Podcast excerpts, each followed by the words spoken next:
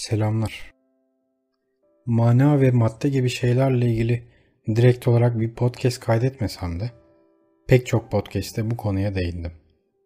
Mana dediğimiz şey bu alemin sınırlarını kafamıza kodladığımız ve gün içinde bir takım şeylere şaşırıp aklımızı kaybetmeyelim diye sanki öyleymiş gibi davrandığımız bir tür oyundur.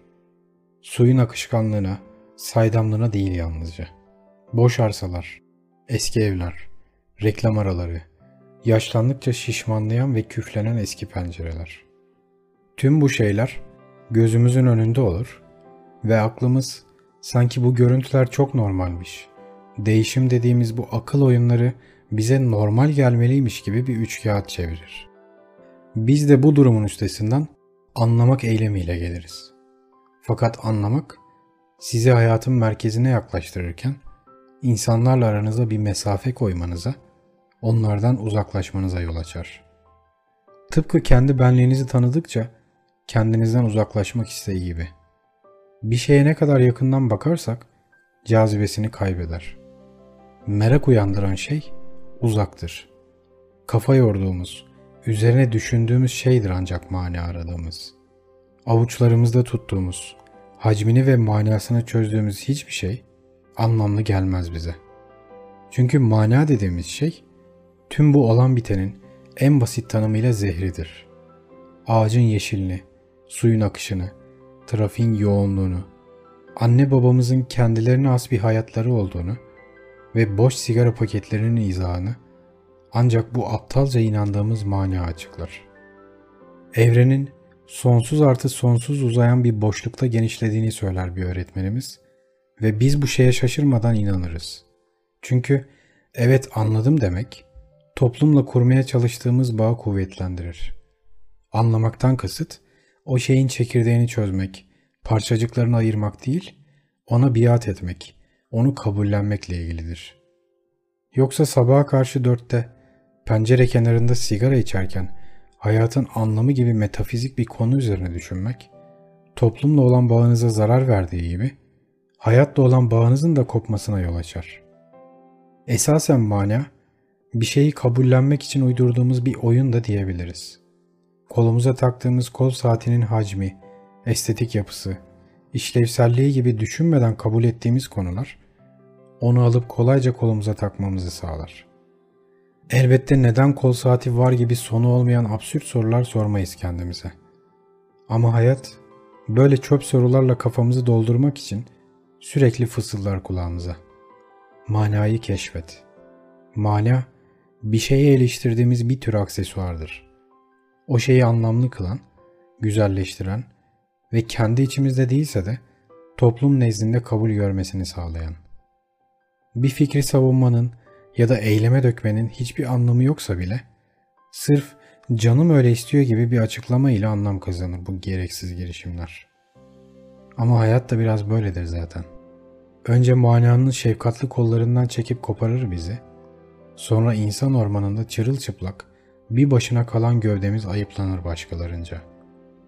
Sonra bu sözde kusurumuzu aklayacak, toplum gözünde bizi alıp normal bir tanım iliştirecek bir eylem arayışına gireriz.'' Bir işe gireriz. Evleniriz. Belki çocuk yapar. Belki boşanırız. Başımıza bir takım felaketler gelir. Arkadaşlarımızı hastanede ziyaret eder. Cenazelere katılırız. Üzgün ya da çok mutluymuş gibi davrandığımız anlar olur. Tüm bu şeyleri sırasıyla yerine getirir ve yolumuza devam ederiz. Bir süre sonra çevremizde göze batmayan, toplumun sırtında bir kambur oluşturmayan normal statüsünde bir yurttaş olarak kabul görürüz. Anlamakla ilgili podcast kaydetmeme neden olan şey, ben de çok genç yaşta başlamıştı.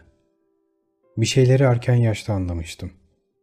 Siyasetçilerin aslında o kadar da akıllı olmadığını, aptal olanın toplum olduğunu, hayatı anladım ya da kadınları çözdüğüm gibi keskin fikirlerin insanı ne kadar kolay zehirlediğini, henüz onlu yaşlarımda bir çocukken ne kadar büyük felaketlere yol açtığını yakından görmüştüm.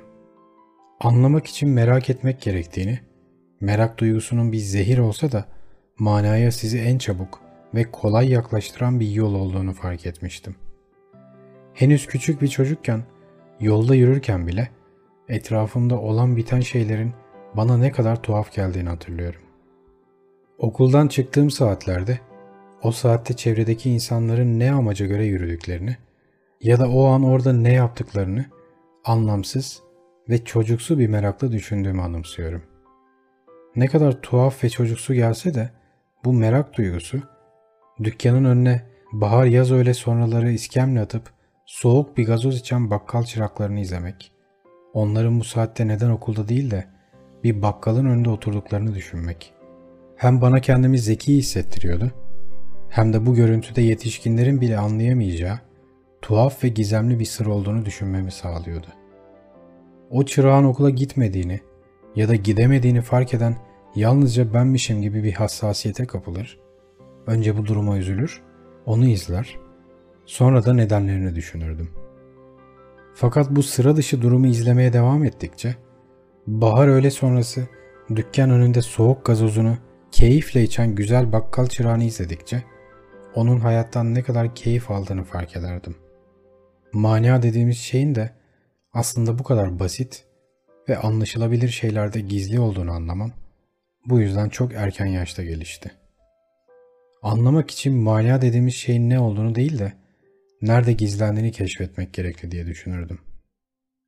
Okulda son ders zili çaldıktan sonra hızla bahçeye koşup birkaç saat top oynama fikri o günü anlamlı kılmanın en eğlenceli yoluydu biz çocuklar için.